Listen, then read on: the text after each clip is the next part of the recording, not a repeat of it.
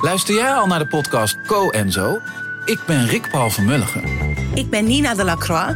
En samen met jouw man René voeden wij twee kinderen op in twee huizen. Co-ouderschap. We hebben het over alles wat je daarin tegenkomt. Maar ook over de juice tijdens onze kinderloze dagen, want die heb je ook in het co-ouderschap. Een podcast voor alle ouders in alle vormen, maar ook voor alle mensen zonder kinderen. Zijn we eerlijk, heerlijk herkenbaar. Dus luister naar Co en Zo in je favoriete podcast-app.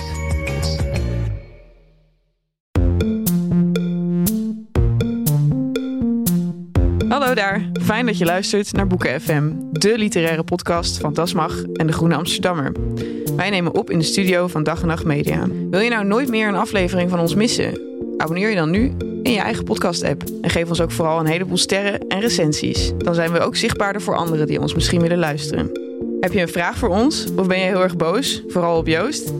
Stuur dan een mail naar boekenfm.dasmag.nl. En we zijn tegenwoordig ook te vinden op Instagram, boekenfm. Hallo, oh, ga jij Oh ja, doen? nee. Ja, het is goed, helemaal onwennig. Nee, ga je Oké. gang.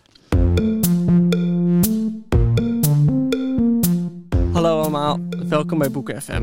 De podcast over boeken en hun inhoud. Van Weekblad De Groene Amsterdammer. Prachtig, prachtig weekblad voor allemaal abonnee. En van uitgeverij Dasmag. We nemen op in de studio's van dag en nacht. We zitten aan de Baarsjesweg boven de Basic Fit. Op de vijfde verdieping. We kijken uit over de stad.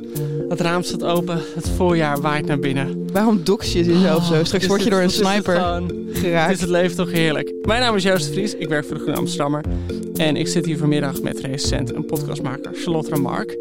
En met Niemand anders. niemand, echt Ja. niemand wilde met ons deze podcast opnemen. Oh mijn god. Het is de eenzaamste Boeken FM ooit.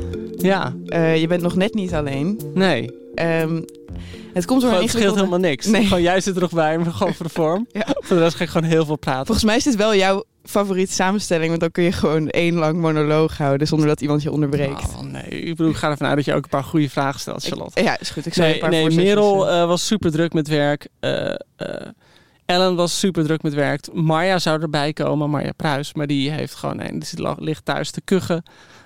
Dus het zit gewoon allemaal niet mee. En, en hiervoor zijn ook een aantal podcasts niet doorgegaan. Eh, tot onze, onze spijt. ja, de eh, reden dat we nu op een eh, maandag moeten opnemen is omdat we dubbel door corona zijn getroffen. Dubbel door corona de getroffen. afgelopen twee. En we hadden ons zo voorgenomen van gaan elke twee weken een podcast opnemen. Er gaat niks tussen komen. En het is nu eens in de twee, de twee maanden geworden. ja. Dus we moeten een beetje, wat, we hebben het een en ander in te halen. Het komt goed. Ik heb jullie eh, eh, op de Instagram gevraagd om te gokken. De gram. ja, de gram, De gram. voor eh, mensen van mijn leeftijd. Ge- gevraagd om te gokken wie van ons er corona had. Ik was wel benieuwd of jullie daar ideeën over zouden hebben. Ik kreeg gek genoeg echt een heleboel best wel onderbouwde antwoorden. Onderbouwd. Mensen die hadden erover nagedacht. nou, er waren mensen. Er was bijvoorbeeld iemand die zei van, nou, Ellen die heeft het soort van het interessantste leven, dus zij maakt de meeste kans op corona. oh. Eh, er was ook iemand die zei van, nou ja, Charlotte die is jong en die komt op feestjes, dus die heeft waarschijnlijk Ja, meeste dat kans zat wel echt altijd in de club. Ja, Eh, ja, dus zoals je weet, ik kom hier daar net vandaan natuurlijk. Ik sta nog helemaal... Te, nee. Er waren ook mensen die dachten eh, van... Ja, eh, misschien is het ook is het toch wel Ellen, want die heeft die huisdieren, oh, die cavia's. En daar krijg je oh, ook een soort ziektes van zoonoze. Ja, ja, ja. En, maar verreweg de allermeeste stemmen waren voor jou. Nice. En die werden nooit onderbouwd. Maar gewoon iedereen ging er blind vanuit. 31 mensen hebben gestemd op jou. En die zeiden gewoon allemaal sowieso Joost. Sowieso Joost. En het was ook En dat zo. was, dat was ook zo. Ja. Ja. Ja. het is nu de tweede keer corona. Ik had, ik had al Delta. Nu had ik Omicron. Ik moet eigenlijk nog terug Ja. in de tijd of zo om, om Alpha te krijgen. Dat ik ze echt gewoon zo, gotta catch them all. Alpha, dat klinkt ook teringziek, alsof je er ook heel Ja. gespierd van wordt. Ja. Zo'n workout sessie. Maar de andere persoon die corona had, Dat was ik. dat was jij. Ja, dat was, dat was, ik dacht, ik was ook nog heel streng geweest. We hebben nog bijna een soort ruzie in de groepsapp gehad, omdat ik per se door Storm Eunice heen wilde fietsen om op te nemen. Oh, dat was het andere moment dat de opname niet Dat- doorging. ja, dat was dat- Storm Maar Eunice. dat kwam niet door Storm Eunice, want ik vond gewoon dat het door moest gaan. Oh ja, dat was het, ja. Maar toen kreeg ik op de dag van Storm Eunice kreeg ik corona. Dus toen viel het weer in het water. Ehm, dus er zijn eigenlijk maar twee mensen die het goed hebben geraden. Eh, want er waren vier stemmen op iedereen heeft corona. Dus inclusief. Merel en Ellen. Nou, dat was niet goed. 31 voor jou. Eh 18 voor mij. 10 voor Ellen. 2 voor de cavia's. 2 voor Merel. 1 voor... Waarom maar twee voor Merel? Ja, Vind weet ik ook niet. een heel gek idee. Want zij, ik denk dat zij gewoon een hele opgeruimde indruk maakt. Ja, ik denk wel dat ik kan me ook niet voorstellen hoe. Nee, ik, ik Ja, heb, van ik heb Merel zeg maar te hoog zitten om te denken dat zij gewoon waar dan ook Het vieze besmet worden. Ja. Ja. Ik zie ook voor me dat van ons vieren zij wel het meest haar handen wast. Ja, dat denk ik ook. Ja, dus oké, Merel had maar twee stemmen en die heeft ook geen corona. Nee. Dus eh, Peter heeft er één, dus wie weet. Eh, maar er waren op Peter gestemd. één iemand. ja. Peter Buurman. Ja. Eh, we kunnen het navragen. Maar er hebben dus twee mensen, Annette en Pieter, hebben gegokt op Charlotte en Joost, hebben corona. En die hebben het dus goed. Nice. Dus misschien hebben die iets gewonnen. Ja, zullen we gewoon het boek van deze week aan ze opsturen? Ja, Dus Pieter en Anne, zei je? Pani- eh, Pieter en Annette. Annette. En die Pieter zal ik dan eh, via Insta laten weten. Ja, stuur dan, stuur als ze dan jou het, eh, hun adres Komt geven. helemaal goed. Dan krijgen wij, ze. onze exemplaren van de kappersoon van Gerbrand Bakker. Dan zullen we er allebei zo nog even in niezen. Dat ook gewoon die bacillen er een beetje... echt een beetje ranzig. Maar goed. Ja, de kapperszoon van Gerbrand Bakker, die gaan we vandaag bespreken. De kappersoon van Gerbrand Bakker, correct. De bakkerszoon van Gerbrand Kapper. Oh mijn god. Eh, Ellen, waar ben je? Ellen, alsjeblieft. Eh, ja, de kapperzoon is een kapperzoon. En dat wil zeggen dat eh, de vader van Simon was een kapper. En nu is Simon ook een kapper. En hij is een zwijgzame, wat knoestige, teruggetrokken kapper. Hij geeft, les aan zwem, hij geeft zwemles aan kinderen met een verstandelijke beperking. Hij heeft eh, boven zijn bed heeft hij nog steeds, alsof hij in een kleine jongenskamer woont, heeft hij posters hangen van mannelijke zwemmers. Ehm, hij hoort zijn klanten aan en dan praat hij eigenlijk zo min mogelijk met ze terug. Ehm, hij reageert een beetje op hun vakantieverhalen en eh, scheert hun ademsappel.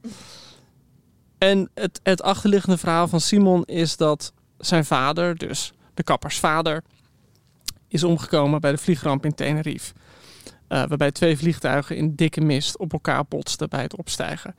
Eh, een, een vliegramp die heel beroemd is, wat niet wegnam, Charlotte, dat jij, dat jij dus heeft moeten opzoeken of die echt heeft plaatsgevonden. Goed, ik dacht dat we hadden afgesproken dat we dat niet hardop gingen Nee, zeggen. nee, ook alles dat je voor en na de uitzending zet kan en zal tegen je worden gebruikt. Maar dit is een compliment aan het adres van Gerbrand Bakker. Dat ik dacht dat hij een hele vliegramp verzonnen had.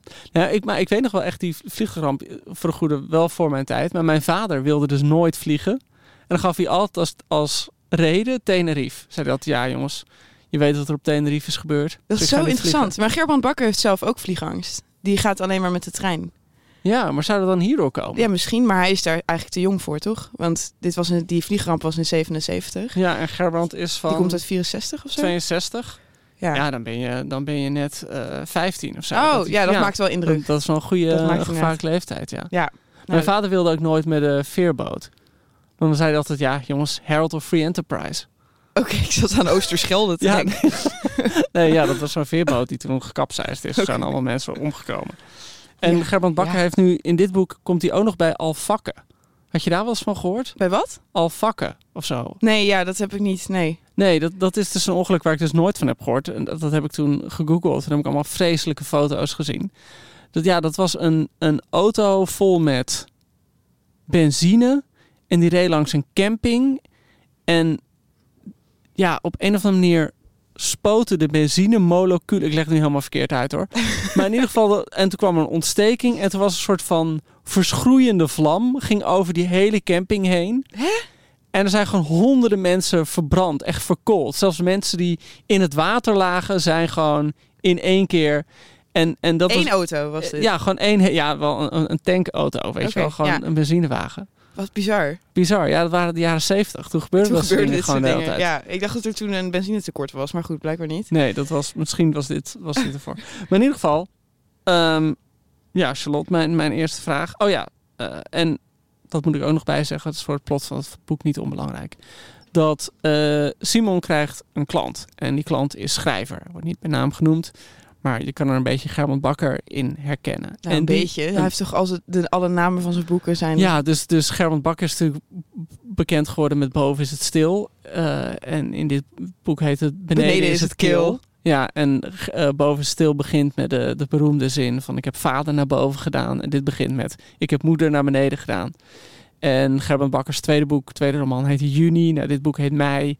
April. April. Ja, Ja. oké. En heb je ook nog de omweg? Ja, dat heet, eh, dat heet ook weer iets. Ja, de Ja. landweg. De landweg. Ja, zoiets. En dan heb je ook nog perenbloesem, eh Peren, bomen bloesem bloeien rood. wit. Ja, oké. maar ja, ja. Dus in ieder geval, er zit opeens een metafictionele laag in waarbij je kan nadenken van, hé, hey, hebben we hier met Gerbrand Bakker zelf te maken? Ja, die heeft ook hetzelfde oorbelletje en het is gewoon Gerben Het, Bakker. het, het lijkt in alles op Gerben Bakker, correct. En eh, die schrijver die is bij de kapper en bedenkt dat hij een boek over de kapper wil, schrijven. Of eigenlijk over de vader van de kapper. Die is omgekomen bij Tenerife.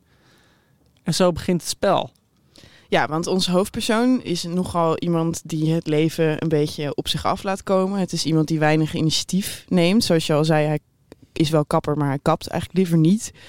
En eh, hij wil niet zoveel in het leven. Hij leeft een soort klein leventje waarbij hij dan eh, twee klanten heeft en een beetje iets kookt voor zichzelf en dan naar bed gaat. En dan gebeuren er eigenlijk twee dingen tegelijk die zijn leven in opschudding brengen. Ten eerste gaat die schrijver graven in zijn verleden. Waardoor hij ineens zelf ook weer helemaal met zijn eigen verleden wordt, of het verleden van zijn vader wordt geconfronteerd.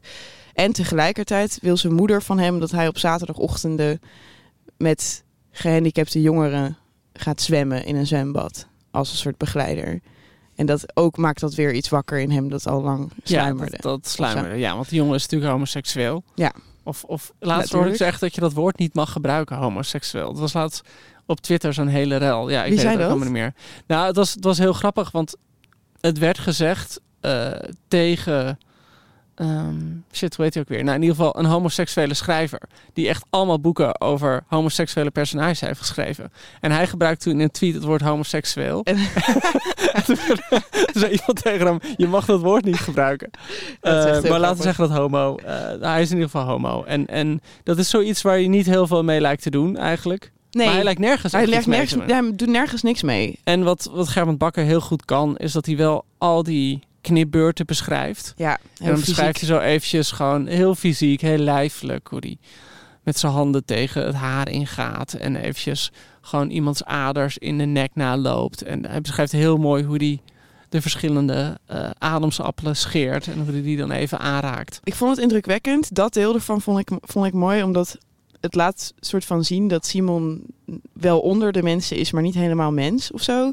Ja, Want hij raakt die gezichten en die eh, oren en die nekken aan alsof het iets is dat vreemd voor hem is. En dan voelt hij zo die hartslag en dan is het iets dat hij bij zichzelf niet lijkt te voelen of zo. En dan bij de mensen die in zijn stoel zitten, de, voelt hij in, zit hij ineens heel dicht bij de menselijkheid en hun vakanties en hun liefdes en zo. Daar leeft hij dan ja, via hij die dingen. echt helemaal van zijn afstandje krijgt hij die levens mee. Ja, En zelf leeft hij gewoon een volkomen tweedehands leven. Ik bedoel, die kapperszaak is van zijn vader geweest. Eh, ja, ja, hij houdt wel af en toe van mooie spullen. Maar voor de rest, hij leeft ook nog gewoon in een soort van jongenskamer bijna. Ja, de band die hij met zijn moeder heeft is ook heel erg nog alsof hij een jongetje is. Ja. Alsof hij en de vervanger van zijn zijn vader opa is. ook. Heeft Ja. hij ook zo'n band. Ja, precies. Dus, dus hij leeft inderdaad een soort tweede, tweedehands leven op een gekke manier. Ja, Waar ik heel erg... Waar ik, wat, wat ik me heel om moest lachen is dat eh, Gerbrand Bakker beschrijft heel vaak die, die knipscènes. ja. En dat er dan elke keer eindigt dat hij aan die mensen vraagt: Wil je friction? ja. Nou, ik weet niet of je friction zegt of friction. Ik had er ook nog nooit ik van had er nog gehoord. nooit van gehoord. Maar opeens heb ik het idee van: Heb ik dat al die jaren misgelopen? Friction bij ja, want hoe, hoe wordt het beschreven in het boek? Het is een soort, er wordt een soort haarolie in je ja, scalp soort gemasseerd geur, geurwater masseert door een apparaat. Ja, Ik had er nog nooit ik had gehoord. nooit van. Ik, ik heb echt aan mensen gevraagd: van, Hebben jullie dit wel eens gehad? Ja, maar dat wordt denk ik als, het is denk ik net zoiets als, als, als watergolfjes of zo. Eh, zoiets dat nooit, bijna niet meer wordt gedaan. Nee, volgens mij, ja. Want hij heeft echt zo'n kapperzaak uit de Jordaan. Ja. Gewoon die al, ik weet niet hoe oud is. En, nou, en- minstens drie generaties Ja, dus het is echt zo heel ouderwets. Maar Ja. nu denk ik wel de hele tijd van... Dat wil jij. Ja, ik wil het echt niet. Het lijkt me echt vreselijk als iemand geurwater in je haar gaat doen. Het lijkt me, het maar ik me vind wel dat ik het nu aangeboden wil krijgen van de kapper.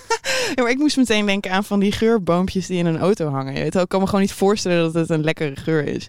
En dan ruik je daar dan naar uit je hoofd. Dat is toch raar? ja, maar je hebt altijd meer. Je hebt altijd van die bepaalde geur die je dan ook in, in wc's neerzet. Mhm. Die altijd gebruikt wordt om een, een vieze geur te camoufleren. Ja, En dan altijd als je dan die geur ruikt, dan denk je... Oké, wat wordt er hier gecamoufleerd? Weet je, dat gaat zo onbewust. Ga je dan denken van... Hmm, ga je extra goed niet. Ja, ruiken. ja. Ja, daar moet ik meteen denken aan in Jonathan Franzen. eh, in de corrections komt het op een gegeven moment voor dat een van die personages heeft dan een affaire met een ongewassen hippie. En dan zegt hij dat hij de hele tijd zijn adem moest inhouden, omdat ze zo'n scalpy smell heeft. Omdat ze zo naar hoofd, smell. omdat ze zo naar hoofdhuid ruikt. Hmm. Dus eh, nou ja, goed, als je daar dan last van hebt, dan kun je... Ja, kan je friction. Friction ja, gewoon Ja. bij de kapper in die was echt wel een leuk, leuk detail. Ja. Maar En- goed. Ja, en, en die jongen, wat, ja, wat doet die jongen nog meer? Hij geeft dus die les. En ja, daar gebeurt eigenlijk... Ja, ik weet niet of we daar nu al over moeten hebben. Er zit best wel iets heftigs in. Wat op een soort van niet heftige manier wordt beschreven. Het wordt, wordt redelijk onderkoeld gebracht. Ja, zoals alles. En ook best wel boek. kwetsbaar. Dat eigenlijk die Simon zich heel erg aangetrokken voelt tot een van de... Ja, het is geen kind. Hij is 18, het, is, het mag. Eh, van de jongens die hij zwemles geeft. Mhm. En die jongen heeft wel een verstandelijke beperking.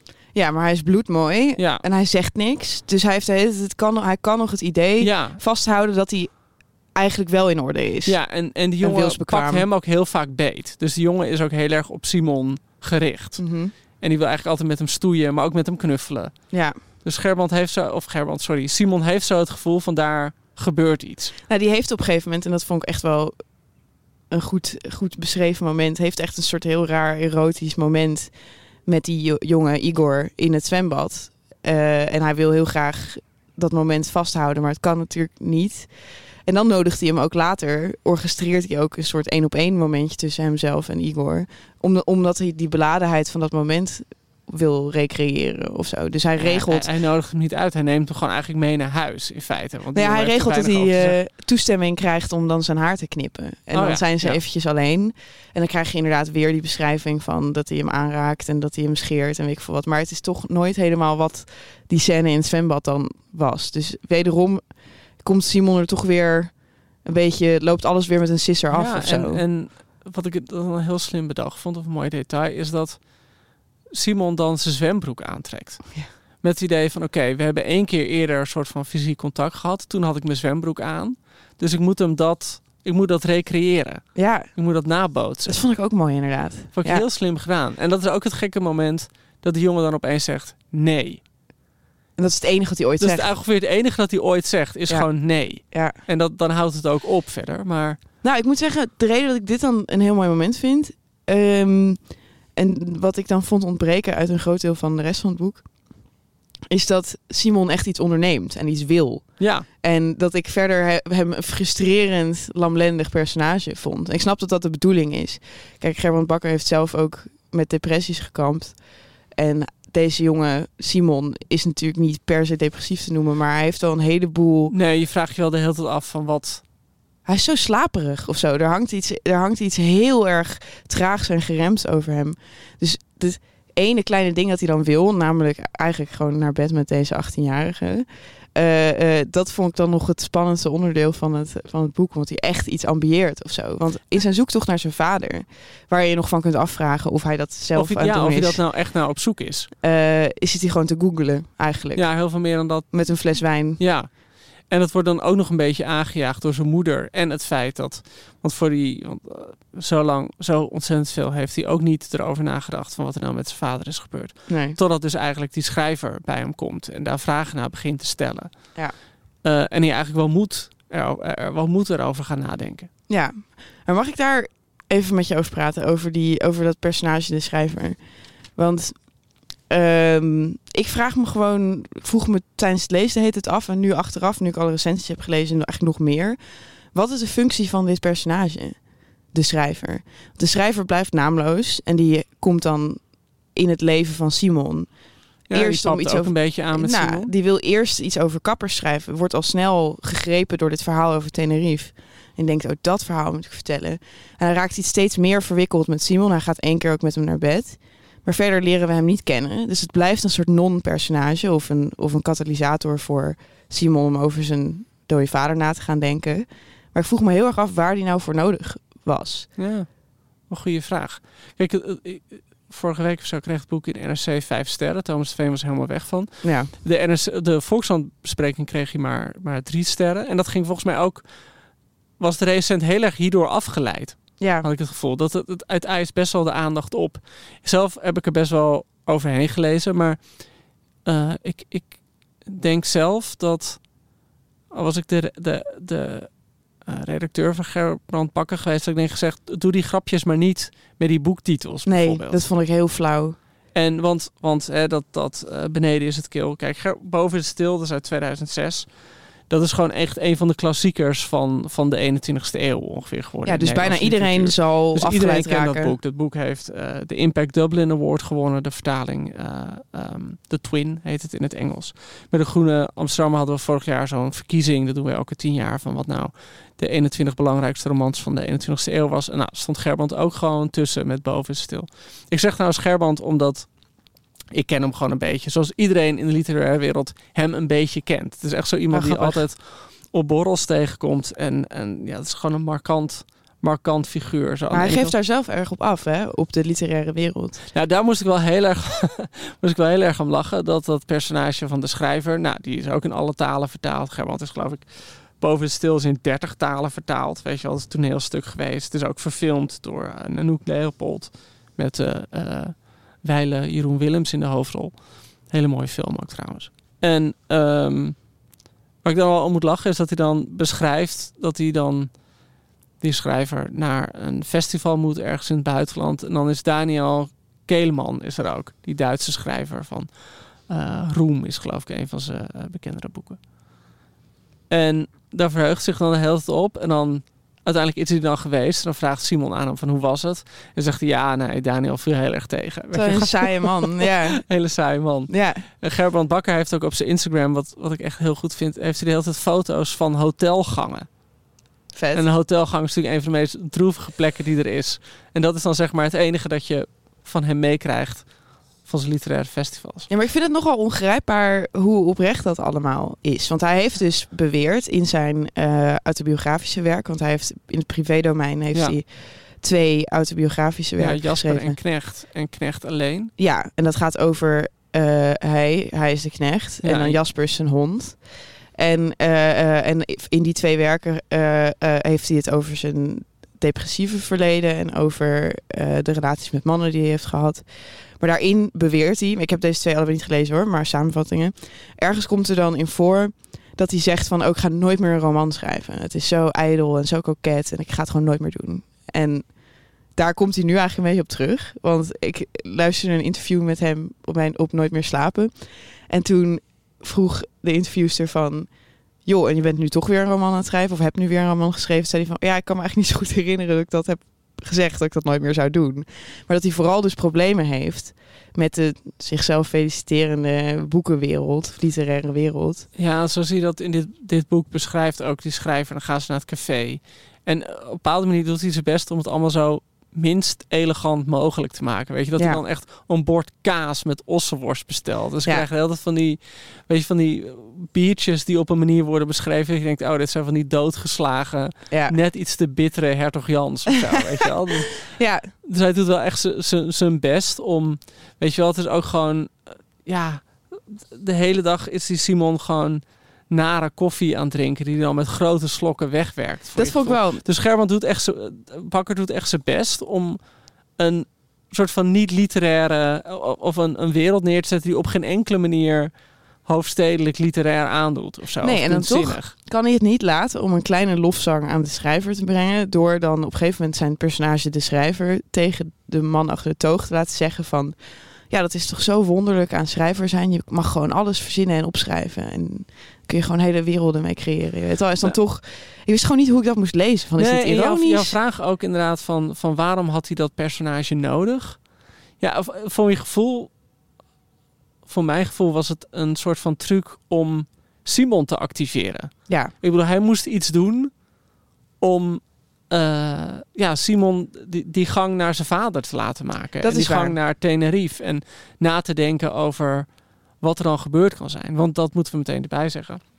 Simon praat er dan over met zijn moeder en met zijn opa. En die vindt het allebei een beetje ingewikkeld dat hij daarover praat. En dan opeens krijg je te horen dat niet alleen zijn vader is omgekomen. Maar ook de, de, de kapper stagiair die ze op dat moment hadden. Die toevallig ook in dat vliegtuig zat. ja. Nou, dan, ik, ik weet nog dat dit op bladzijde, weet ik het, eh 90 of zo te sprake kwam voor het eerst. En dat ik meteen gewoon zo'n streep in de kantlijn heb gezet van, oh, nou, say no more.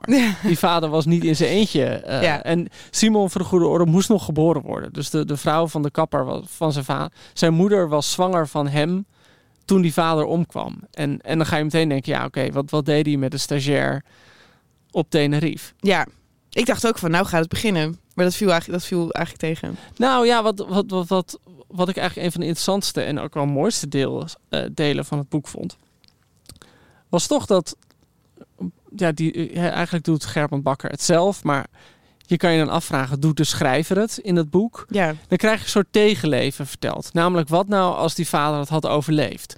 Jij Wat las nou- het al wel als een hypothetisch scenario. Nou ja, dat ja, ik was je wel ook benieuwd, ja, afvragen, ik was wel, toch? wel benieuwd wat jij ervan vond. Want je krijgt dus het verhaal dat, dat die vader wil eigenlijk ontsnappen uit zijn leven in Amsterdam. En wil op Tenerife opnieuw beginnen met een stagiair op wie hij eh, verliefd blijkt te zijn. En dat durft hij dan eigenlijk niet. En die stagiair gaat dan wel op het vliegtuig en hij niet. Bij de overstap Ja, op bij, Tenerife bij de overstap op Tenerife inderdaad. Dus, Ja. dus die vader, eh, iedereen denkt dat hij dood is. En die vader denkt, oké, ik blijf op Tenerife. En daar bouw ik mijn leven op. Nee, er is een zeker. Ik dacht echt, de eerste keer dat ik het dus helemaal las, dacht ik van wat ongeloofwaardig dit. En toen dacht ik achteraf van nee, wacht eens even. Het is inderdaad een soort atonement, La La Land, eh, wishful thinking, alternatief einde voor die vader. Ja. Het, is, het is denk ik Simon die niet kan verwerken dat zijn vader dood is en dan maar dit gaat denken. Of het is de schrijver die een alternatief leven bedenkt voor. Ja, ja. Ja, ik vind het wel grappig dat je Atonement noemt. Atonement eh, eh, is van Ian McEwan. En dat, dat, dat is een oorlogsverhaal. Het beg- het begint voor de oorlog in de Tweede Wereld, voor de Tweede Wereldoorlog. En dan krijg je daarna het verhaal van eh, eigenlijk de, de, ontscheping bij Duinkerk. Dus hoe de Engelse leger daar, zich daar terugtrekt. Dan krijg je een heel verhaal. En het wordt verteld eigenlijk door het zusje van de vrouwelijke hoofdpersoon. En die heeft een moeilijke liefdesrelatie. Want de jongen zit eigenlijk door een onterechte beschuldiging vast. Maar uiteindelijk overleeft ze het en zijn ze samen. En dan krijg je een epiloog waarin dat zusje, de, de verteller, zegt... maar zo is het niet gegaan. Ze zijn gewoon omgekomen in de oorlog. Ja, zij is En- inmiddels groot schrijfster en Ja. heeft bij wijze van atonement, zeg maar, om dus het goed te ja, om het maken. goed te maken als, ja, heeft ze gewoon het, het mooie verhaal verteld. Ja. En heel, ja, ik, dat boek is echt prachtig. Het is ook heel mooi verfilmd trouwens. Maar ik, ik ken ook mensen die helemaal gek werden van het boek. Omdat het dit dubbele ja, einde had. ja, omdat het op het einde gewoon wordt gezegd... oh ja, alles wat je gehoord hebt is niet waar. Maar een roman is sowieso niet waar. Ja, De, en dat had ik bij, bij dit boek heel erg. Van, eh, sommige recensenten in de NRC of in de Volkskrant bijvoorbeeld... ging er heel erg op in van... oh, je krijgt nu het hypothetische verhaal dat de schrijver heeft bedacht. Maar ik, ik zag het helemaal niet als hypothese. Of ik bedoel, ik snap wel dat je dat erop kan... dat je die interpretatie erop los kan laten. Maar zelf had ik gewoon heel erg gevoel van... oké, dit is gewoon een ander verhaal. Dat kan bestaan. ja. Ja, maar het feit dat de schrijver zo expliciet een personage is, lijkt wel alsof het je zou moeten aanzetten tot nadenken over of dit nou allemaal echt gebeurd is of niet. Nou ja, kijk, en dat, dat is denk ik wel zo. Dat als hij niet dat personage had opgevoerd, dan had het gewoon, dan had je niet die meta-manier ernaar gekeken. Nee. Dan was dit gewoon de waarheid geweest. Ja, en dan had ik het eigenlijk best een ongeloofwaardig twist Ja, gevonden. dan was het een beetje zoet geweest of zo. Ja, dus zeker. eigenlijk werkte het wel dat, dat, dat je nu je kunt afvragen, is dit het verhaal of niet? Nou ja, vooral omdat het, het, het nog ongeschreven einde, dat hier eigenlijk vlak na het einde van dit boek dan nog moet komen. Dat is zo ongeloofwaardig dat het mij echt in het verkeerde keelgat Wat schoot. bedoel je dan? Nou, er zit nu een familielid of een vriendin van zijn moeder zit nu op Tenerife. Oh ja, ja oké, ja. En die vindt gewoon, Die komt hem tegen. die komt hem gewoon tegen. En daar eindigt het ongeveer. Ja, Dus we moeten eigenlijk geloven nu als lezer, als dit echt gebeurd is, dat ze elkaar gaan ontmoeten, dat ze erachter gaan komen dat die vader nooit dood is gegaan. maar dat zou nog erger zijn voor Simon, denk ik. Ja, Dat zou vreselijk zijn als je dan te horen krijgt van, oh ja... Hij wilde je nooit meer terugkomen voor je. Hij wilde niet terug naar Nederland. ja. Ja, dat vond ik, daarom vond ik het wel vet dat hij nog leefde, zeg maar, die man. Ja. Dat betekent namelijk dat hij niet een verloren held is, maar gewoon iemand die zijn gezin in de steek heeft gelaten. Ik vind dat trouwens dat uh, Bakker dat super mooi beschrijft. Het leven van die man dan als kapper in zijn eentje. Ja, op Eh, Tenerife. dat hij eigenlijk aan de hand van de honden die hij heeft, gewoon de levensjaren beschrijft. Ja, dat is mijn een- favoriete zin uit het, uit het boek, is, eh, is deze. Carlos was een man met een hond geworden. Dat je zeg maar Ja. gewoon, dan ben je ineens iemand met een hond. En zo, zo gaat, zo overkomt zeg maar hem en zijn zoon de hele tijd. Oh, blijkbaar ben ik nu, nu ben ik kapper. Nu, Ja, spreek, nu ja. spreek ik Spaans. Ja. Nu ben ik iemand met een hond. En ik leef voor de hond. Nu heb ik een vriendin, blijkbaar. Zeg maar, er was op een gegeven moment een vrouw, maar die ging toen ook weer net zo goed. Was die niet meer interessant. Ja, ik vond dat wel. dat stoïcijns, ik vond het moeilijk om me erin te verplaatsen. Omdat ik gewoon zelf een heel emotioneel iemand ben. Ik dacht soms wel echt bij Simon van, word wakker, ga een keer huilen of zo. Ja, Ehm, boos. Word, ja, ga gewoon weg bij je ouders. wil iets. Omdat, omdat ik gewoon helemaal voor me zag dat leven van Simon. Van uiteindelijk gaat zijn opa natuurlijk ook dood. Ja. En zijn moeder dood. En dan heeft hij gewoon niemand. Gewoon niemand. Nee. Ja, dan, heb je, dan ben je eigenlijk nog beter af met die honden. Wat ik een van de mooiste dingen vond in het boek. En dat is misschien een beetje flauw om dat dan aan te wijzen. Omdat het eigenlijk van buiten het boek komt. Eh, weet je nog dat hij op een gegeven moment die documentaire van Koen Verbraak gebruikt? Ja, Ja, Koen Verbraak, de meester-interviewer. oké. en eh, die maakt natuurlijk altijd die kijk in de ziel documentaires waarin dan mensen interviewt. Soms Oh zijn ja. het topondernemers, soms zijn het politici, soms schrijvers. Nou, noem maar op. En hij heeft één keer zo'n documentaire serie gemaakt over, ik ben even, oh, de achterblijvers heet die uit 2017. En daarin praat hij met de mensen die dan iets overleefd hebben en hun, de rest van hun familie niet. En eh, ik vond het heel grappig dat, dat Gerben Bakker dit gebruikt, want ik kan me dit dus nog herinneren. Dat ik dit gezien heb. En niet alleen dat ik het gezien heb, maar dat ik het ook heb naverteld aan mensen. Oh ja. En er zat één man in die. ehm eh, wiens ouders bij die vliegramp zijn omgekomen. En zijn, zijn ouders gingen op vakantie en hij en zijn broertje, of, geloof ik. eh, hij bleef in ieder geval achter bij zijn open oma.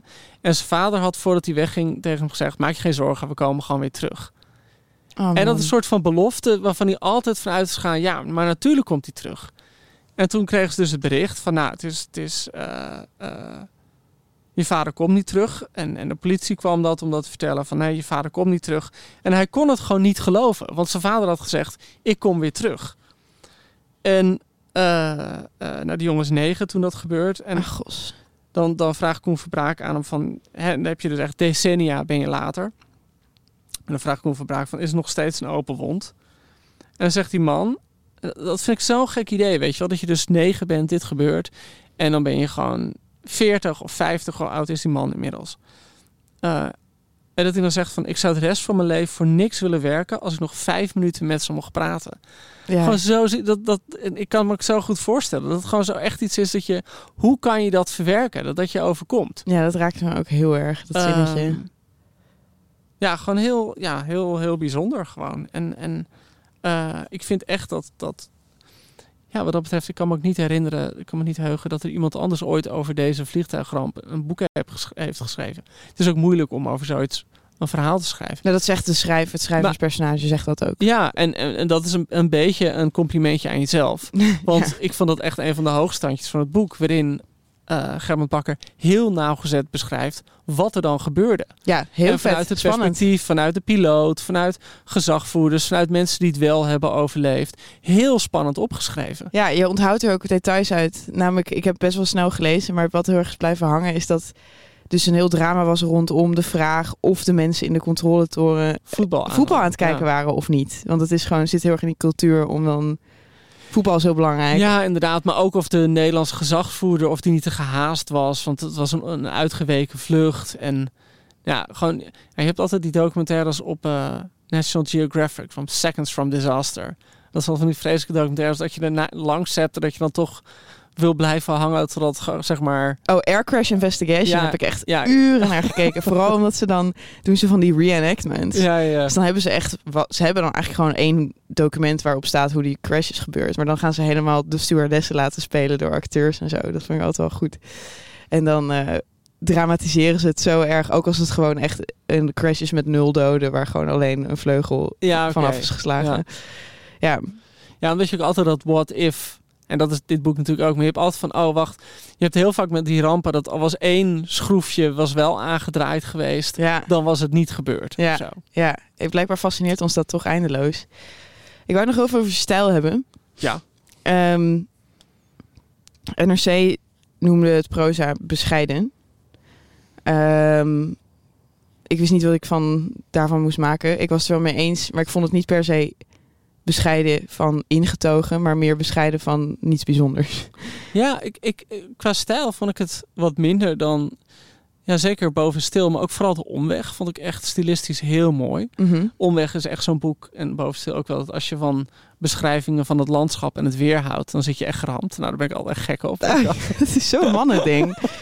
En eh, dat, dat, dat vond ik heel mooi aan. En dit misschien ook omdat het een wat dagelijksere setting heeft. Mhm. Want boven het speel gaat over een vrouw die eigenlijk een soort van haar leven in Amsterdam achter zich laat en naar Wales gaat omdat ze eh, volgens mij ziek is. En dan gaat ze daar Emily Dickinson lezen. En ze houdt allemaal dieren in de gaten. Eh, dus dan heb je en die dieren en Emily Dickinson. Is dat de omweg? De omweg Oh ja. en het landschap van in Wales. En dat is gewoon zo'n hele mooie combinatie. En boven stil ook. Heb je aan de ene kant die vader die op naar zolder is gedaan. Heb je dat hoofdpersoon die, die zijn seksualiteit onderdrukt. En ook een soort van ook achtergebleven is. Ehm, en dan daar op dat, dat, dat boerenlandschap zit. En eh, dat al die elementen geven elkaar extra gewicht. Ja, En dat, bij dit boek heb je dat wat minder. Omdat je en de kapperszaak hebt. En zeg maar de begraafplaats eh, waar hij dan naartoe gaat. Waar een monument staat voor Het de zwembad. Het zwembad. Het cafeetje in Amsterdam. Tenerife. Dus het- wat dat betreft is het iets minder sfeervol. Nou ja, dat vind ik zo interessant. Dat vind ik hij legt zelf heel erg de nadruk op sfeer. Want in De Groene hadden jullie eh, een interview met hem. Of 23 vragen, 21 vragen. Vraag Sorry. meestal. Pardon. Ja, Oké. Ja, die rubriek pas vijf jaar of zo. Ja, het is goed. Ja. Cijfers moeilijk voor mij. Eh 21 vragen. Eh, en daarin zegt hij zelf van... Oh, plot, weet wel, dat is helemaal niet mijn ding. Ik, ik schrijf niet voor plot, ik schrijf voor sfeer.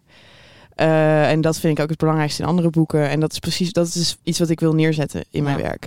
En toen vroeg ik me wel heel erg af van wat voor sfeer heeft hij dan willen ambiëren hier? Nou, ik denk, ik denk Beklemming? ja, of, of dus de, ik denk de, gewoon de sfeer die rond Simon hangt, toch? Ja, maar dat is al een sfeer van... Ja, Een soort van laconieke, en, krachteloze- Ja, laconieke eenzaamheid. Ja. of zo. Dus wat- wat jij zei over gewicht, dat dat dan wel heel erg zit in die andere boeken van ja hem. dat is meer een beetje zo'n optelsom. Dat ontbrak hier wel een beetje Ik begrijp aan. wel wat je bedoelt. Heb ja, ik het idee. Ja, want ik vind dus, nu ik met jou erover praat, vind ik heel veel losse elementen echt heel erg leuk eigenlijk bij nader inzien. Ja, Maar ik was gewoon niet heel erg bewogen door het hele boek, omdat ik gewoon, ja, er, er ontbrak voor mij, het was een beetje bloedeloos eh, opgeschreven ook. Ik vond soms ook de dialogen een beetje ongeloofwaardig of zo. Had je Nou, dat ook? Nee, ik had niet ongeloofwaardig. Maar ik had er wel soms last van dat hij zozeer een soort niet glamorous, niet literair eh, Ja. personages wil neerzetten. Dat het gewoon echt intens dagelijks kon worden. Ja, en dan kon je echt best dus drie alinea's over boodschappen kan Ja, krijgen. dat- en dat kan ja, leuk dat- zijn, maar dat was... Een... Nee, ik vond soms hoe zijn moeder dan praat. Ik denk van niemand praat zo. Ehm, zij zegt dan over... eh, zij, het begint, het hoofdstukje 2 is helemaal een monoloog van zijn moeder. Zegt, zegt zij, en daarom zijn we altijd, altijd met z'n tweeën. Henny en ik. En nu is Henny dus ineens verdwenen. Nou ja, verdwenen, verdwenen. Ik weet dat ze op een Canarisch eiland zit met haar nieuwe vriend. Zo'n zwartwerkende bouwvakker met gouden kettingjes en een tanig lijf en een kale kop. Ik denk van ja, welke soort van Jorda- Jordaanese dame zit gewoon in een normaal gesprek met haar zoon het woord tanig in te zetten of zo. Je wilt toch gewoon zeggen van, mijn moeder zei zoiets als. Je toch niet... Ja, oké. Ja, ik begrijp wat je Ik weet niet, ik ben misschien nodeloos kritisch, maar ik was... Nee, nee, nee. Ook dat omdat, bedoel, eh, daar- zijn we voor. Noodloos. Boek FM. noodloos kritisch. Hey Charlotte. Bam. Simsalabim. Laten we naar de vragen gaan. Want ik heb een vraag. Een goede vraag ook. Ehm, ik moest eh, ergens een workshop geven. En toen had ik tegen die mensen gezegd... Van die, er zaten een hele hoop jonge mensen bij die Boek FM luisteren. Haha. Dus zei ik van nou, als jullie nou een vraag hebben... mail me dan jullie vraag. Nou, heb ik gewoon allemaal mails gehad van mensen die fan waren van Ellen. Maar die ga ik dus niet voorlezen, die mails. Ik bedoel, is Ellen toch? is er niet. We krijgen alleen Ja, maar post alleen voor maar- Ellen. Alleen maar post voor Ellen. Ehm, maar ik kreeg ook een andere mail. Ehm, waar heb ik hem? Hier heb ik hem. En dit was van ongeveer de enige jongen in die groep. Wat grappig. Duco. Hoi boeken FM'ers. Ben erg fan van jullie podcast. Vraag je. Hoeveel vinkjes hebben jullie? en hoe denk je dat het met het gemiddelde aantal vinkjes van schrijvers in de Nederlandse literatuur zit?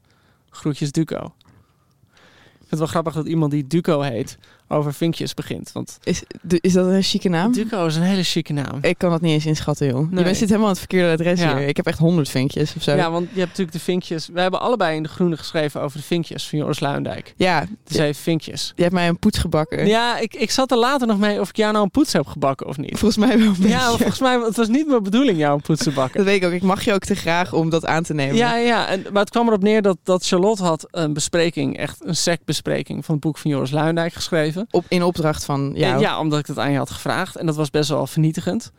Eh, maar dat hadden we aan je gevraagd voordat het zo'n enorm ja, uh, successchandaal werd. Of schandaalsucces, Ja. hoe moet je het noemen. Ja, Omdat iedereen natuurlijk over Joris Luindijk is heen gevallen. En zeggen van wauw, dat is toch wel heel vreselijk dat iemand die zoveel succes en, en zoveel, het zo makkelijk heeft gehad in zijn leven, zullen denk ik veel mensen zeggen, eh, dan met zo'n verhaal komt over wat privilege is en hoe erg privilege is. ja. Zonder dat hij zich op wat voor manier dan ook lijkt te hebben verdiept in alle boeken die al door feministen zijn geschreven. Of door mensen die met intersectionaliteit bezig zijn. Of met mensen die, met, die eh, tegen racisme bezig zijn geweest. Ja. Alsof hij helemaal in zijn eentje dit onderwerp privilege heeft. Maar er was genoeg om over te vallen. Dus er zijn toen inderdaad 600 columns verschenen. ja, maar gewoon op het moment dat, dat, dat, dat ik dat aan je vroeg, wist ik dat nog niet. Nou, jij schreef een heel interessant stuk. Volgens mij, vat ik je goed samen, is, is dat je eigenlijk zei van dat boek van...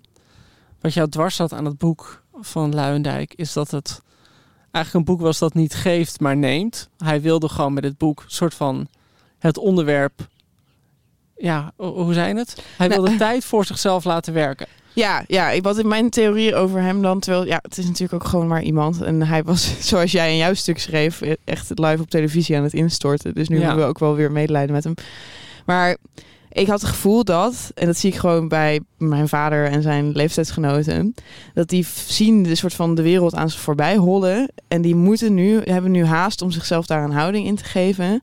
En, zo, en dan kun je bijvoorbeeld eh, zo'n boek schrijven als de Zeven Vinkjes. En dan laat je dus de soort van schuivende eh, moraal laat je voor je werken. Want dan gaat iedereen jouw boek kopen. Ja, Ja, jij, houdt jij hangt je karretje aan de tijdgeest vast. in plaats van dat je je soort van stilletjes laat meevoeren door de tijdgeest, moet je er ook nog jouw soort van portie dus, van dus krijgen. zei van in plaats van dat Joris Luijendijk gewoon bescheiden de verandering in de tijdgeest onderging, gaat hij er een boek over schrijven. Waardoor...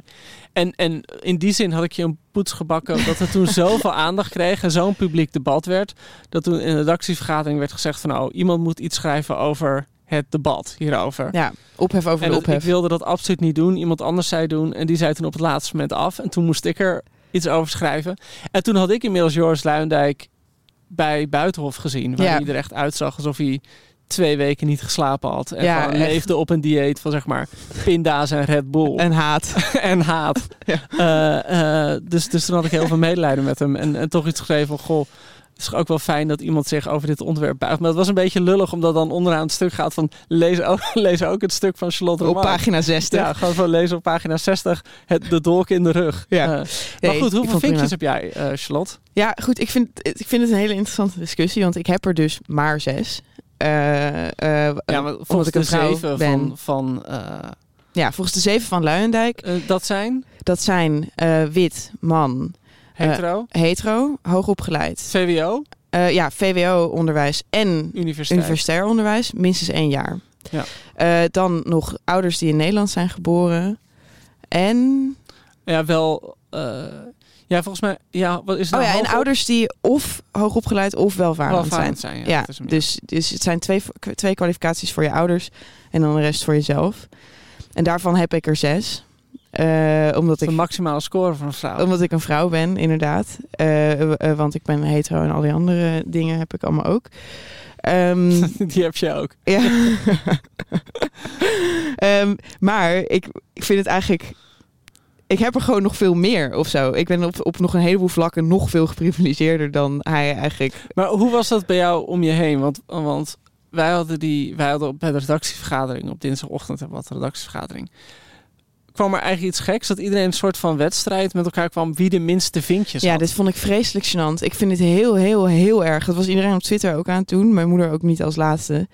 Die vindt het namelijk heel erg om beschuldigd van te worden dat ze geprivilegeerd is. En dat hebben een heleboel mensen. Die willen gewoon niet horen. Het is ook een ongemakkelijke waarheid.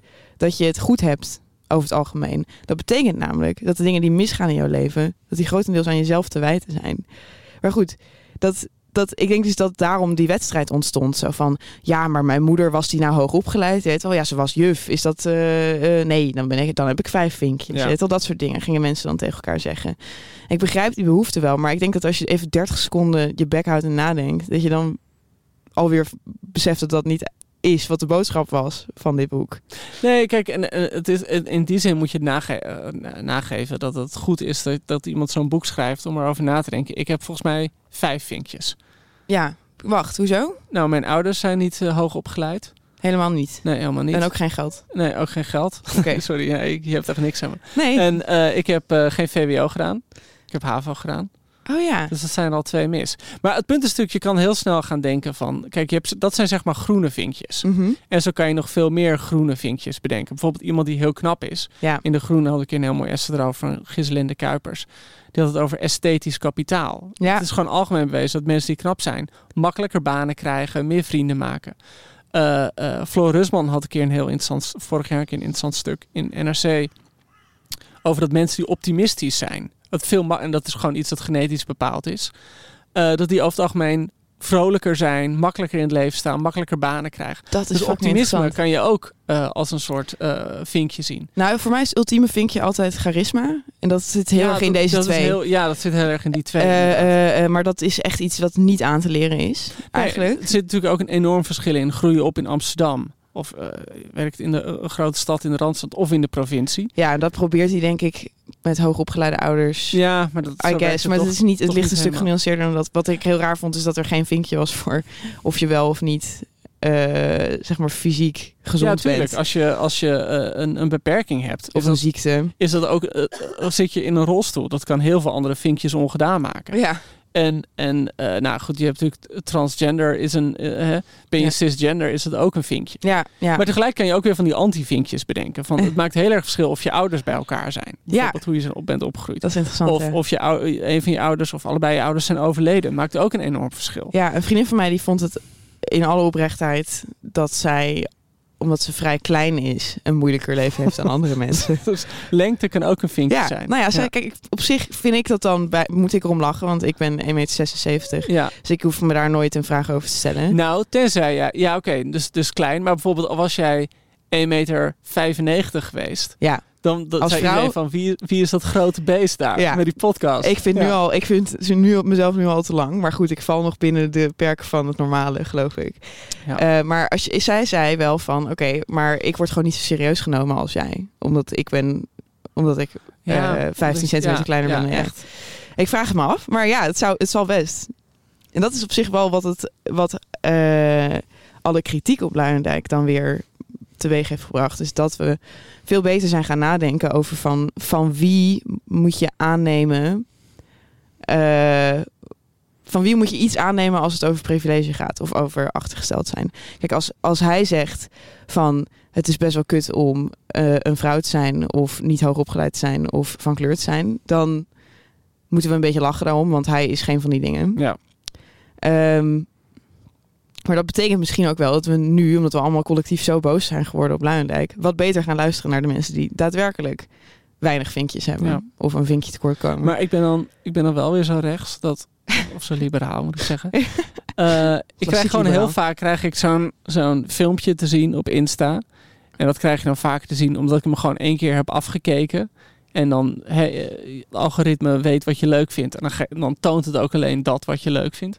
En dat is zo'n filmpje van zo'n leraar die dan een hardloopwedstrijd met zijn kinderen, met zijn scholieren aan scholieren geeft. En dan staan al zijn hele klas staat op één rij. En zegt hij: Oké, iedereen die zijn ouders nog bij elkaar zijn, mag een stap vooruit doen.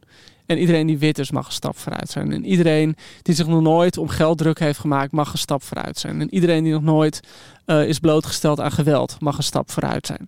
En dan zie je dus al snel dat gewoon sommige mensen echt gewoon een half rondje voor staan. oh ja. En dat is natuurlijk dat is ook zo'n heel mooi beeld dat dat soort van privilege in kaart brengt. Maar en dit, dit is dus het liberaal in mij. Ik denk wel, uiteindelijk zegt het niks over de uitkomst van de wedstrijd. Dat is wel interessant. het zegt niet? misschien iets over de gemiddelde uitslag. Maar er zijn altijd mensen die gewoon veel harder lopen. Ja, dat is waar. Maar stel je dat- voor dat dat jongetje... En er zijn ook mensen die veel trager lopen. Er zijn ook heel veel mensen die juist omdat ze zo'n privilege hebben, nooit van hun reet afkomen. Ja, dat ben ik, geloof ik. En, en eh, nou ja, ja, nee, ja, dat ben ik helemaal met je eens. Je bent gewoon een enorme onderpresteer. Nee, goed, je weet zelf ook wel dat het niet helemaal zo is. nee, maar en is wel iets omgekeerd zijn er ook mensen die, van, omdat ze een achterstand hebben, keihard werken en Ja. daar een enorme kracht in vinden. Dus je, je- het, het, het eindresultaat hoeft niet vast te staan. Dit is wel een interessante vraag, die groter is dan alleen de vinkjes. Vind je dan dat we hierover moeten ophouden?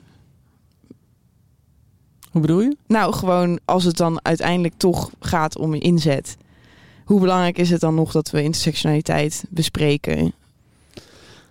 Ehm, nou, ik denk dat het heel, een, eh, wel echt een nuttig debat is. Dat gewoon heel veel in kaart brengt.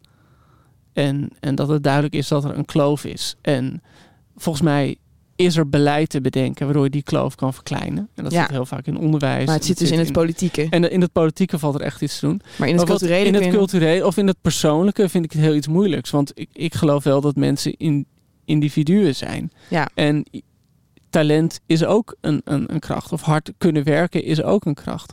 En als we dan alleen maar doen van ja, het ligt niet aan mij, het ligt aan het systeem. Ja. Kijk, dan kan je natuurlijk zeggen, ja, maar jij bent een, eh, een witte heteroseksuele cisgender. Eh, dus natuurlijk zou je dat zeggen. Maar ik, ik, ja, ik geloof wel dat eh, ieder mens gewoon als mens, als individueel persoon gezien wil worden. Ja. En als we onszelf alleen maar terugbrengen tot een groep. Ja, dat voelt, dat, voelt dan toch alsof je jezelf tekort doet. Nou, Gerbrand Bakker leverde daar kritiek op. Die vond dat... Oh, wat een mooi bruggetje terug naar Germend Bakker. Nou, ik moet eraan denken. Hij eh, vond dat er bepaalde schrijvers eh, enorm overschat worden... omdat ze met hun trauma te koop lopen. En hij noemde dan als voorbeeld Lale Gul en Splinter Chabot... wat op zich wel makkelijke doelwitten zijn, vind Ja. ik ook. Want ze jong zijn en heel veel aandacht hebben gekregen. En ik wist gewoon niet zeker of ik daarmee eens was of zo. Ik, ik las en ik dacht meteen, ik dacht van, oh ja, lekker dat iemand het eindelijk zegt. Maar toen dacht ik ook van, ja, maar mm, het is ook niet helemaal waar dat Gerbrand Bakker bijvoorbeeld niet te koop zou lopen met het feit dat hij een boerenzoon is en dat hij, dat hij niet. Tuurlijk, en, en eh, Germend Bakker heeft een zusje die is overleden. Heeft hij ook uitgebreid over geschreven. Ja, En ehm, dus ik denk trauma en eh, alles wat jouw leven moeilijk heeft gemaakt, zal altijd doorklinken in je werk of zo. Dus het is heel moeilijk om het persoonlijke van het culturele. Maar mogen we dan. eh, het- trauma klinkt nu natuurlijk wel heel nadrukkelijk door in literatuur. Ja, dat is waar. En, en eh, soms is het echt bijna moeilijk. In Nederland zijn er natuurlijk heel veel autofictie worden geschreven. Ja, En autofictie gaat dan heel vaak over een trauma. ja, Variërend van. eh, en je hebt er allemaal soorten maten in. Hè. Sommige mensen zeggen één op één. En andere mensen eh, schrijven met er een grote afstand over. Maar wel dat, hè, als je maar wel kan zeggen voor je Volkskrant Magazine interview, dat het persoonlijk is geweest. ja, ja. En, en in sommige gevallen is het heel integer en levert het hele mooie literatuur op. En in sommige gevallen denk, denk ik wel eens van, goh, schrijver op zoek naar trauma. Ehm, ja, My Kingdom voor ja, een trauma. Ja, ik vraag het me af. Dat is. ehm, het, het gekke, het, het voelt wel, we leven nu wel echt op een moment van het boek van een schrijver die gewoon echt van A tot Z iets verzint. is ver te zoeken. Ja, is ver, ver te zoeken op het moment. Oké, maar is dat een, is dat een grotere Ja, ik vind het wel jammer. kunstvorm Ja. dan, eh dan de autofictie? Ik denk dat Nou, autofictie... nou, ik weet niet of ja, nee, het hoeft niks over de kwaliteit van een boek te zeggen. Dat, dat, dat, dat laat dat voorop staan. Ik ken autofictieboeken die ik echt geweldig, gewoon echt geweldig vind. Ja. Memoirs die ik echt eh, het hoogste ongeveer zijn dat, je- dat je kunt vinden in de literatuur. Daar ken ik ook wel voorbeelden van. Ja. Ehm, Nee, maar ik denk soms wel van waar zijn de ambitieuze romans? De dingen die echt ja, nee, scheppend bezig zijn. Ja, dat, dat, dat, dat mis ik wel soms. Ja. En daar is dit dan wel op zich een goed voorbeeld van. Mag ik, om, om weer terug te gaan naar Gerbrand, Ja. Waar ik nog heel erg om moest lachen, dat, dat valt officieel buiten de roman, is zijn verantwoording. Ja, dat is heel... Ik weet En ik bedoel, hij schrijft echt zo'n verantwoording. eh, waarin hij eigenlijk zegt dat hij altijd een hekel heeft aan verantwoordingen, aan nawoorden. En dat hij dan vooral heel veel. eh, dat hij eigenlijk moet lachen om de hoeveelheid mensen die dan worden bedankt. De liefde die wordt uitgesproken voor man, vrouw of kinderen. Het geduld dat het gezin heeft opgebracht van vader en moeder. Nou, gewoon het hele verhaal. Mhm. Dat hij eigenlijk ook vooral vreselijk vindt eh, als je je redacteur of uitgever bedankt. Want ja, eh, die, want die hadden net zo goed jou kunnen bedanken. Want zonder schrijver hadden ze geen boek om te redigeren of uit te geven. Dus dat heft elkaar op. Eh, nou moet ik zeggen dat, dat het valt mij bij Nederlandse boeken het valt, me, valt het nog wel mee. Je hebt altijd bij, zeker bij van die grote Amerikaanse boeken. Ja, die hebben gewoon vier bladzijden. vijf pagina's Ja. gewoon waarin iedereen en zijn moeder wordt bedankt. Nou ja, zonder jou had het echt Ja. niet gekund. Je hebt Maar me er doorheen gesleept. Je hebt dan soms ook bijna het gevoel alsof die, die mensen die bedankt worden... een soort van schild worden gebruikt. Van, nou jongens, David Remnick van de New Yorker heeft me geholpen. Ja, Dus waag het niet dit boek nu af. het geeft zeker eh cachet ook weer aan je eigen boek natuurlijk. Maar laten we maar... eh, wil je al naar de cijfers toe? Of, of wil je nog iets, iets behandelen uit het boek? Nee, nee, ik ben ook wel eh, richting de cijfers. Oké, welk cijfer zou je geven, Charlotte? Eh, ja, ik moet toch op mijn instincten vertrouwen. Oh, En ik zou het niet herlezen. nee. Dus ik geef het denk ik gewoon een 6. Een zes. Zit je laagste cijfer ooit? Ik denk het wel. Oh, ja. wauw, een zes. Maar er is een nieuw tijdperk aangebroken. Hè? Weet je nog? Oh, als dat goed het voornemen. Ja, is het nieuwe jaar. Dat was Had een van ik- voornemens. Een ja. van mijn voornemens was om, eh, om wat, wat strenger te becijferen. Oké, en dit greep mij niet. Ja, ik vond het toch. eh, ook als je het vergelijkt met heel veel andere Nederlandstalige romans die verschijnen. Eh, vond ik toch dat Gerbrand Bakker je wel echt meeneemt naar helemaal wat zijn wereld is. En, en bij elke bladzijde die je leest, zou je bijna kunnen bedenken. Nou, misschien elke bladzijde is overdreven. Maar al zou je drie bladzijden blind aan me geven, zou ik absoluut hebben gezegd: Oh, dit is Gerbrand Bakker. Ja, dat hoorde ik ook op de radio. Dat het zo typisch bakkeriaans ja, was. Bakkeriaans. Dus, dus ik had het boek eigenlijk wel heel hoog zitten. En ik moet zeggen, de eerste honderd bladzijden vond ik wat, moest ik er wat inkomen. En toen op een gegeven moment kon ik niet slapen. En toen heb ik het echt in één ruk de laatste 200 bladzijden of zo uitgelezen. Dus ik geef het toch een 8,5. Oké. Ja, dus we hebben 6 en 8,5. Ja, maar hoe kunnen we... Ja, dat is gewoon onmogelijk om nu een gemiddelde... We hebben Ellen niet. Ik bedoel, hoe... Ja, mensen, luisteraars, we hebben een 6 en 8,5. Nou ja, Jullie mogen gewoon zelf, niet doen. de mensen thuis, ja, thuis hè, als jullie dit luisteren, je luistert dit op je telefoon. Er zit denk ik een rekenmachine op je telefoon. Reken en dan maar kan uit. je een gemiddelde doen. We zijn er heel vlug alweer, toch, Charlotte? Ja, ehm, inderdaad. Om het goed te maken verschijnen we nu... Om het goed te maken dat we allemaal geveld waren door een pandemie. Ja, dus jij, eh, jij luisteraar luistert dit nu als het goed is eh, op een woensdag. Want dan verschijnen we. En dan is het goede nieuws dat we volgende week woensdag er weer zijn. Met Oh. een nieuwe aflevering. En de woensdag daarna Weer. weer. Oh mijn god. Dus eh, er is van alles te luisteren binnenkort. Ja, dus we hebben wel echt boze mails gehad van mensen die, die zeiden van... Jullie zijn niet betrouwbaar. ja, Wanneer zijn jullie er nou? ja, je fietst maar Ik met een, net, met een longaandoening. Een appje van mijn moeder. Waar blijft de podcast? Echt van je moeder? Ja, ik vond het heel beangstigend dat ze dit luisterde. Wat lief. Ja, ik was wel blij om erachter te komen dat niemand in mijn omgeving Nee, dat door is had fijn dat het ja. Nee, niet door wel uitgaan was. Nee, dus eh, het komt weer helemaal goed eh, met ons. Vertellen we wie we gaan doen? Ja, we, volgende week eh, doen we Hanya Yanahigara met Naar het Paradijs. Correct. En dan de rest blijft nog eventjes eh, Oké, is goed. een mysterie. Eh, nou, eh, namens de Groene Amsterdammer en uitgeverij Das Mag... waren wij Charlotte en Joost. en eh, Ellen, Merel, als jullie dit horen... heel fijn jullie vrijdag weer te zien. Nou ja, en, ja, en jammer dus ook van Marja. Die zou, Oh ja. er, die zou Ja. er zijn. Eh, Marja Zaliger. Marja Zaliger, ja, nou, die komt er vast ook vlug wel weer Oké, ja. Heel erg bedankt voor het luisteren. Joe, Tot volgende Doeg. week.